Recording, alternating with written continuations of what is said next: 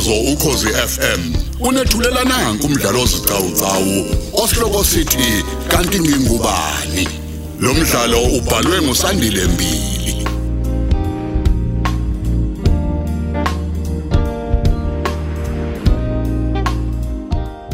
Isiqephu sosishiyagalombili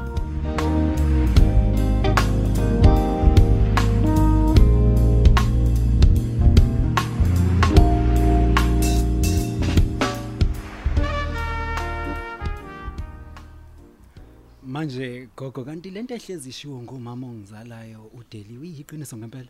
Ilona mzukulu. Umakho umuntu ongenaso neze isimilo ebuthanda ke notshwala njalo nje. Ngisho ngoba ezeshona nje eshonele emanyaleni kwakuseyizo njalo izenzo zokungalungi nokuba iseqomgwaqo lesayisona. Awu nawe kodwa gogo wazi wayibeka Angiyazi kuyalumela mzukulu mangisho kanjalo kodwa iqiniso leli ngishoyo. Awungitshele simphiwe. Umuntu osile kahle la ekhanda angahambe ekhaya ingane nezinsuku ezintathu ezele. Ey eshiya nami ngigula kanye nodadewabo ematasatasa elungiselela umshado wakhe. Angayenza leyo nto umuntu ophilayo? Hayi kusho ukuthi naye umama gogo kwaba yiyo nje lento yokuba uthathekile nokuthanda izinto ke kanye mhlambe nokuba nabangani abangalungile. buka ke yonke leyo nto yamlahlekisela ngempilo. Wangangazi ukuthi akuboni ukhula njengoba nje usuyindoda ungaka manje. Hayi hayi hayi hayi.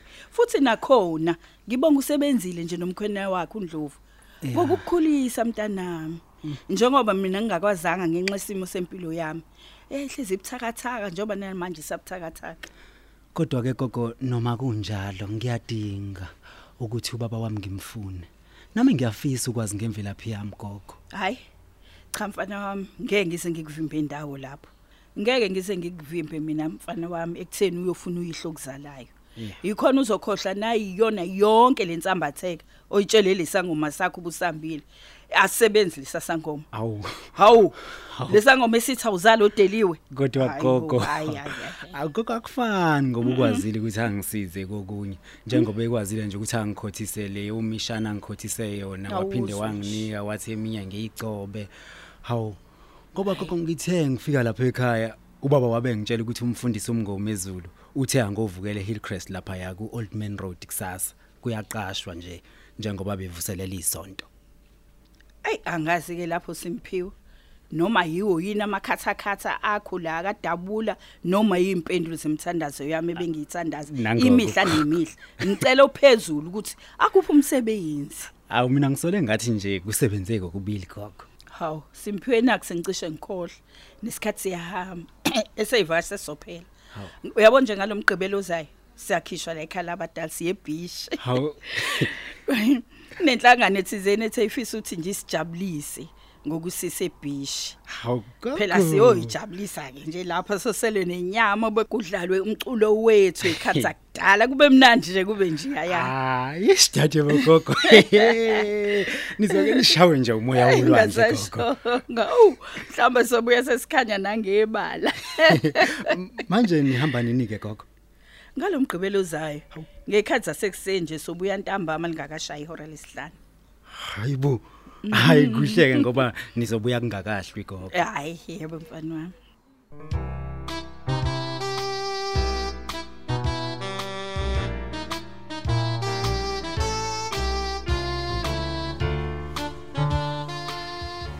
Kethiwe. Kethiwe. Ayibo ungilinde bu. K. Haweni.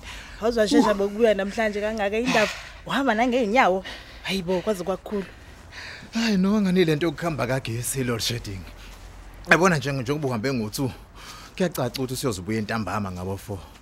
Kanti lapho ke kube sekusele ihora elilodwa nje ukuthi nathi sishayise. Abaphathi babona kukuhle ukuthi hayi no abasidedele sobona abantu. Mm sidade bo. No yabona le ndaba yagesi isicefana yona mawuyibhekisisa kahle. kakhulu. Yazi ngcono ukuthi lo gesi wabo bawuhambisa ebusuku silele. Manje bavele basuka emini kabhaka ubhizi kusetshenzwa bathatha ugesi. Abasicabangeli nje laba bantu bakhona. Hayi isicefe nje Hayi. sodwa. Futhi angiboni nanokuthi bayinaka nje lonto basicabangela lutho. Ngiyakutshela. Ah, wena ke wabuza mina ukuthi ngingani ngisheshe ngabuya. Wena ubuya ngalesikhathi emsebenzini. Sithini? hayi mina bengi off namhlanje yazi Wena na? bengitshuza ngithe angishaya umoya kancane ngilula inyawo ngiyele moli Ya. ngiyoshaya ugrosanyana ngizokuxosha xosha ngibuye ngikhokhe nama account ami uyazi Hayi uyazenzela. Ngiyakuzwa Ngibhadele. mina. Ya, tshena mina hayi. Umngani wami yena umgcine nini? Hayibo yazi njengoba ngiza nje la kuwena ngehle eteksini kade ngikhuluma naye manje use usayekhaya labadala uyobona ugogo wakhe aphinda amtshele ne-update ukuthi kuhambe kanjani phela kuloya baba loya ubani konje babudabula Dabula. eh Eish mngani wami bakithi. Uyazi uthe vika lokhu kube qhamuka lokhu. Athi uvika lokhu yaqhamuka okunye inkinga nje. hayibo na ukutshelile yini indaba eshoyilo yababudabula Eish, ya wangitshela Kay. eish Uyabona kethiwe lo baba a- akashaye eceleni. Usimpiwe nje kumele ayisukumele into ayishilo. ish maqhinga uyabona mangabe nawe ukuthi usho kanjalo shuthi kuyacaca ukuthi usempiwe usamele umthwalo umthwalo omkhulu ukuthi afuna abazali bakhe bobabili Eish, futhi uma uyacabanga. wakhe ngala ubaba wakhe ngala ukuze izinto zakhe kumakha neziqala phansi iqaqeka Eish, ya khona kubukeka kanjalo Kay. eish nkosi sami ngesoka lami bakithi hayibo maqhinga nangu surprises angala kuthina U- Uthini wena? nangiya Hayibo. Kwahle kwahle. Eh? Hayibo ngi- ngi- ngimbona ngimbona. Eish, Awubheke nje kodwa ukuthi umkahle kanjani lo sisikhethi. Oh malo. Uyangichaza. Ngichaza ukuthi nje wavuma ukuthi athandane nami. Ekubeni ngibe ngimncane kunaye. Kuyangichaza lokho. hayibo hey usemathandweni. Zikuhambela kahle into zakho. Kodwa ke mina ave ngikuthanda shema umoya wakhe angifuni ungasho nomoya omuhle opholile. Konje uthe uqashe kuphi? Isisandwa sami leso phela. Uqashe la ezantsi ngasenkundleni yebhola kaF. oh okay. Hayi ke angikushiyeke noma thandana wakho nijole kahle. Eyangishiya impela. Kodwa phela la moto. ha surprise. Hello sesunjani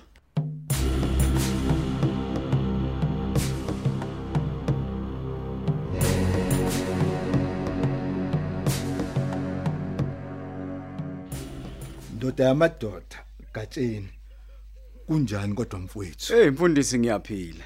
Hayi futhi ke sengiphila kakhulu ke manje njengoba sekufike nawe ke nje. Oh hayi ngena ngena hlala khona la kusofa baba.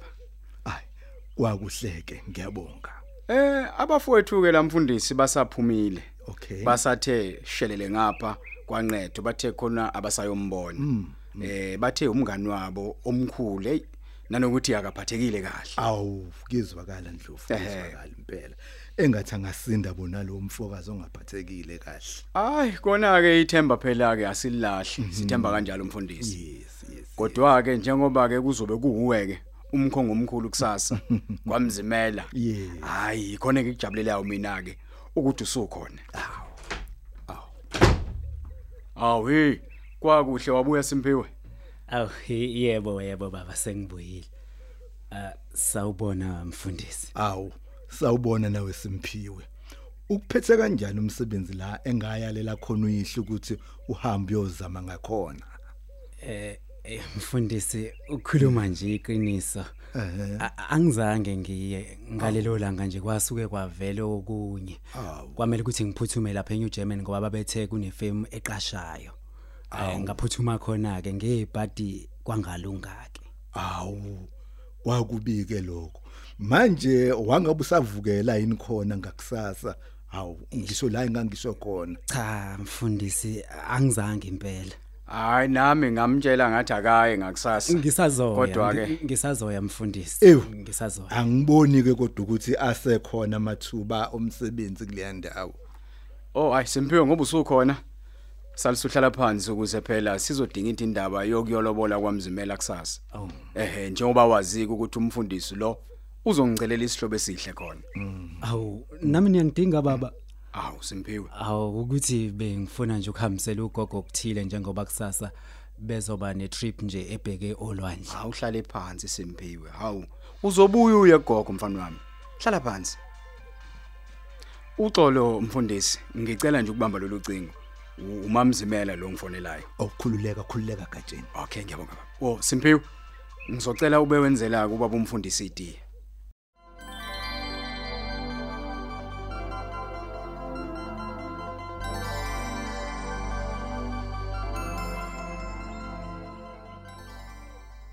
Themba lam, surprise.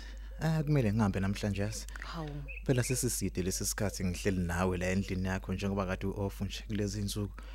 Nasekhaya sebelokhu befonileke manje bengibheka ukuthi ngisaphila yini cabanga nje. hayi kahle bomaqhinga Eh. njengoba umdala kangaka nje wena khona umuntu osayixaka ukuthi ukuphi nobani ngasiphi isikhathi kahle nje uzohlala ngami Awu wayibo kufanele phela. Mina ekhaya ngisayingane. Futhi ke nje nabantu sebeqala ukukhuluma izinto abangahlangene nazo. Njengoba nje kulezi insuku bengibuye emsebenzini emafemini ngize la emqashweni wakho. Uyazi abantu bathini? Bathini? Bathi sesikipidile. awu kahle maqhinga ongitshela ukuthi uba unendaba nokuthi abantu bathini ngempela? Hayibo sithando sami ngi- nginayo mina surprise. Futhi ke nje namhlanje njengoba kumgqibelo ngifuna ukuya lapha yana kwaNdlovu kuba kaSimphiwe kunento encane nje eyenziwa khona. hawu maqhinga. Uhamba la endlini ushiya mina ngoba uthi ufuna ukuya emcimbini. Awu, babe. hayi ngiyaqala ukuyizwa into enjalo. Mangabe ufuna utshwala ngitshene khona ngizokuthengela. Hawu. Cha hayi ngoba nakho ngiyela utshwala lapha na surprise.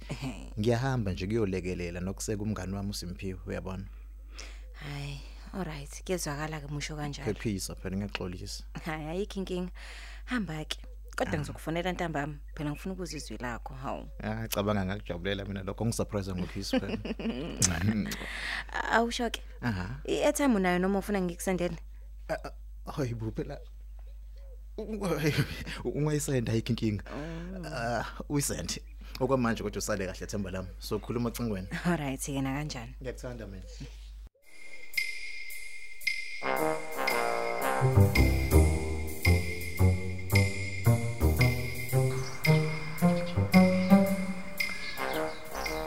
Hey ngiyabonga bra wami ngiyabonga nje ukuthi ugcine ufikile.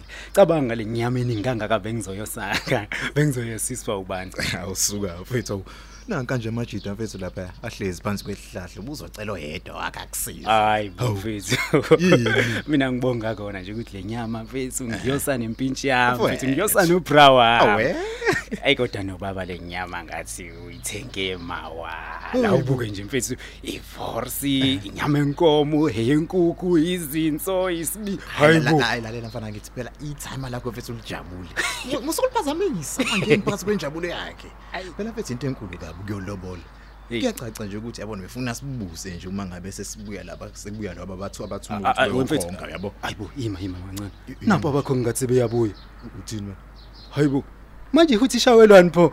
Kanti bekuyoshadwa yini? Hayibo. Uthi uthini uSimpiwe? Leyo nto phela ikhomba ukuthi konke ihambe kahle mfethu kuyokuceleni ihlobo esihle. Ushabe baze babuya noshintsho ubani ubani owaziyo. La la lalela asikhiphe inyama vele siyilungise soyibeka ngalina mfethu kitchen. Hayi ziyakhala ke la.